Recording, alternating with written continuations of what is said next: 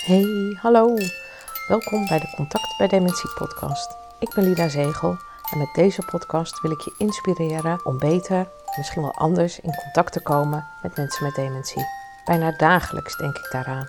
Ik maak mooie dingen mee, ik hoor, ik lees, ik zie van alles.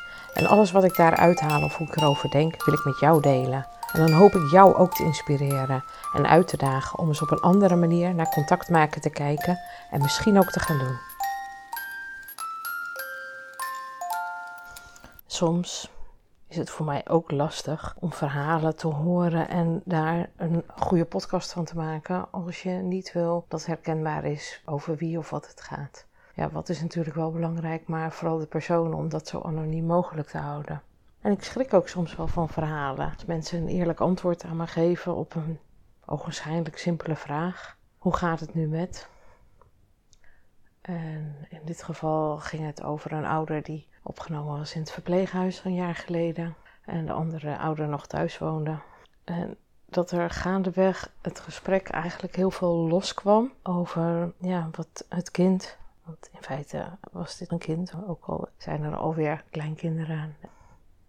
Als een kind zo met verdriet en, en misschien ook wel boosheid en irritatie gevoelig reageert op zo'n ogenschijnlijk simpele vraag.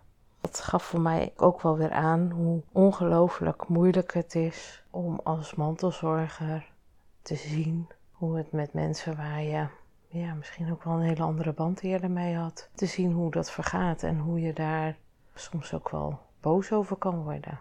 In dit geval kwam er in het verhaal zelfs voor dat diegene zo boos was geworden en op een gegeven moment weg was gelopen. Nou, dat kon ik me heel goed voorstellen. Ik heb dat ook ooit gedaan, ook wel eens verteld. Dat ik uh, twee keer in de week bij mijn schoonmoeder kwam.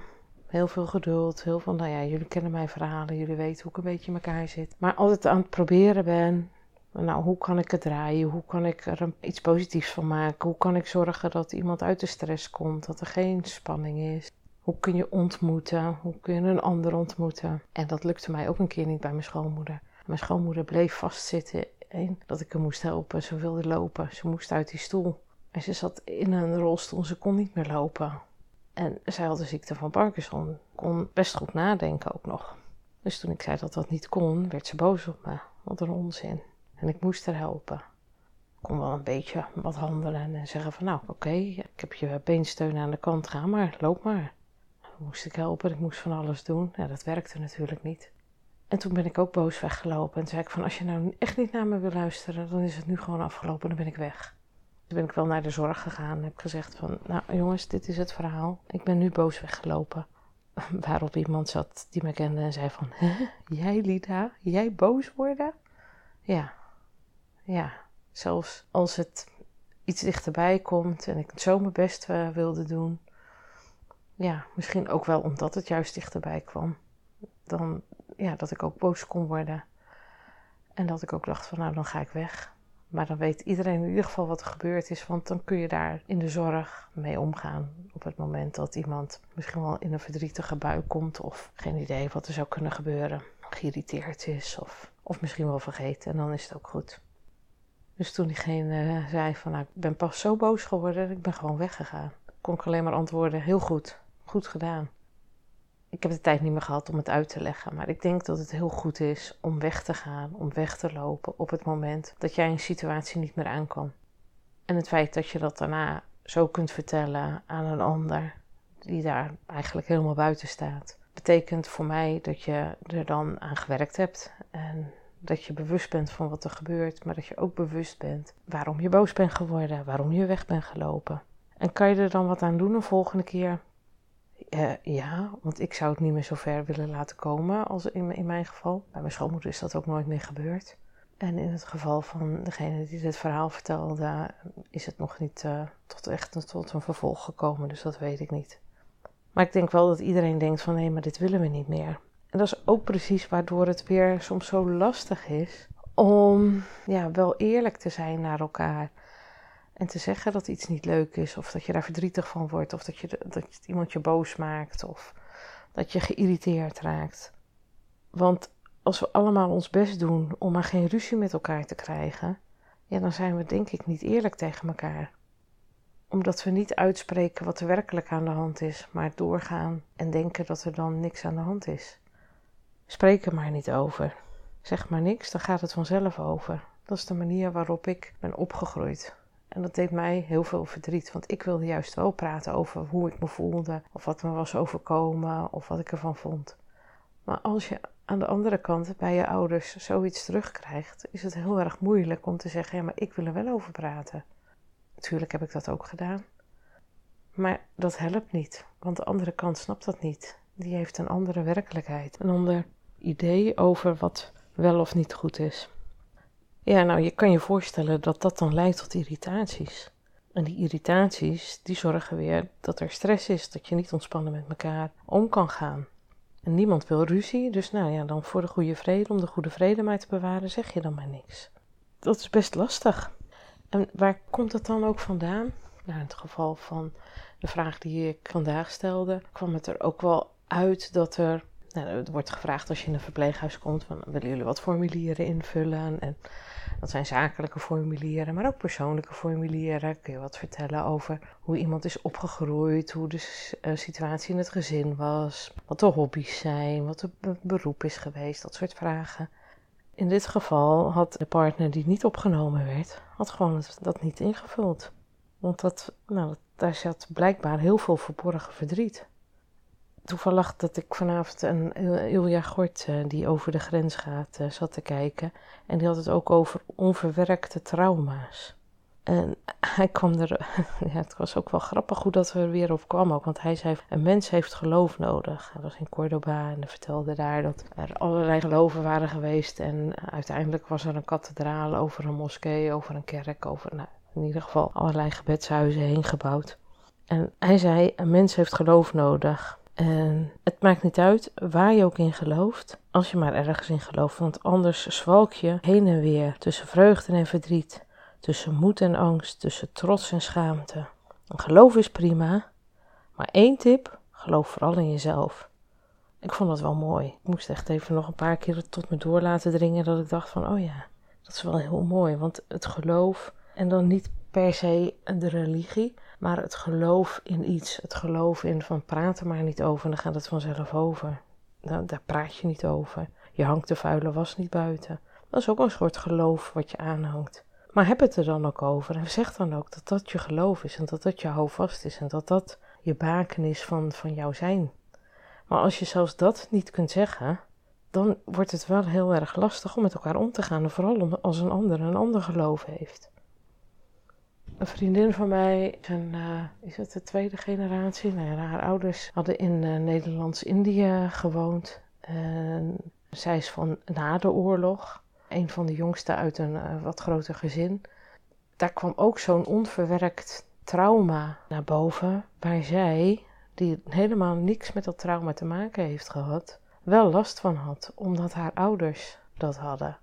Nou, datzelfde hoorde ik Wender Snijders zeggen bij Eus in de kapperstoel zat, bij de geknipte gast. En ook een lied had gemaakt wat hier ook over ging. En ze was genomineerd voor de Annie M. G. Smiets prijs. De tekst die in, in haar lied zit, er stroomt bloed door mijn bloed, een rode draad, die mijn verleden beschrijft, dromen in mijn aders. Bloedlijn na bloedlijn, helden en daders. En toen ik dat hoorde, moest ik ook denken aan die vriendin die behoorlijk wat therapieën heeft gehad in de kliniek die daar speciaal voor was, voor tweede, derde generaties mensen die dergelijke trauma's moeten verwerken. Onverwerkte trauma's. En ik kom hier nu op doordat ik die simpele vraag vandaag stelde: hoe gaat het nu met? Dat die irritaties hoog op kunnen lopen, dat snap ik. En dat begrijp ik ook. Dat heb ik ook wel geprobeerd uit te leggen nu. Maar waar ik ook wel heel verdrietig van word, is als ik dan hoor dat er meerdere kinderen in dat gezin zijn. En dat die dan niet op één lijn zitten. Ja, en dat gebeurt ook heel erg vaak.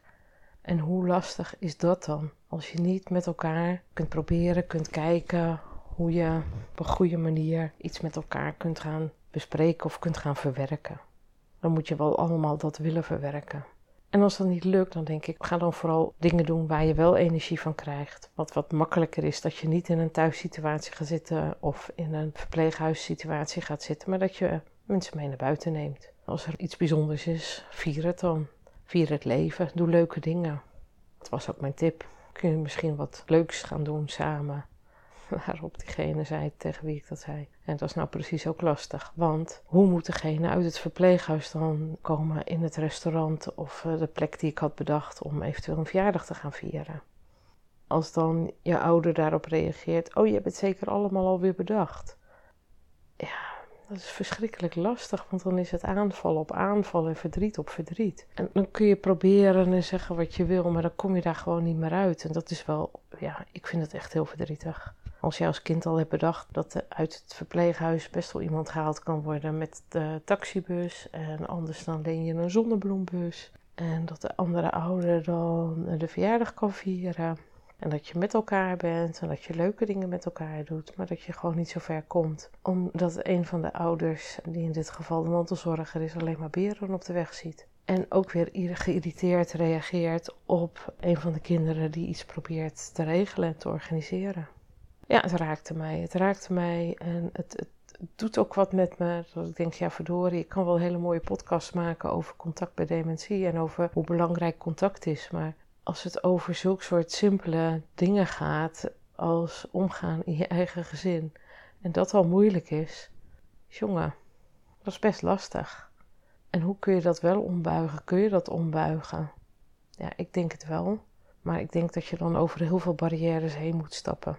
En dat kun je alleen maar vanuit jezelf doen. Je kunt nooit een ander veranderen. Je kan alleen maar jezelf veranderen.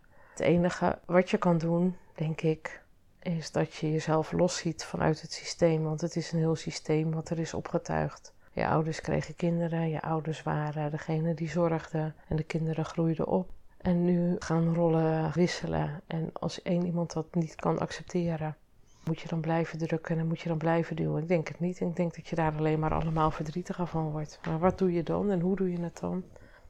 Ja, jezelf toch los gaan zien in het systeem, van het systeem. En anders gaan kijken naar het systeem. Dus niet gaan kijken naar het is mijn moeder en ik zou wat anders van mijn moeder verwachten. Of het is mijn vader. Ik zou willen dat mijn vader anders tegen me zou doen.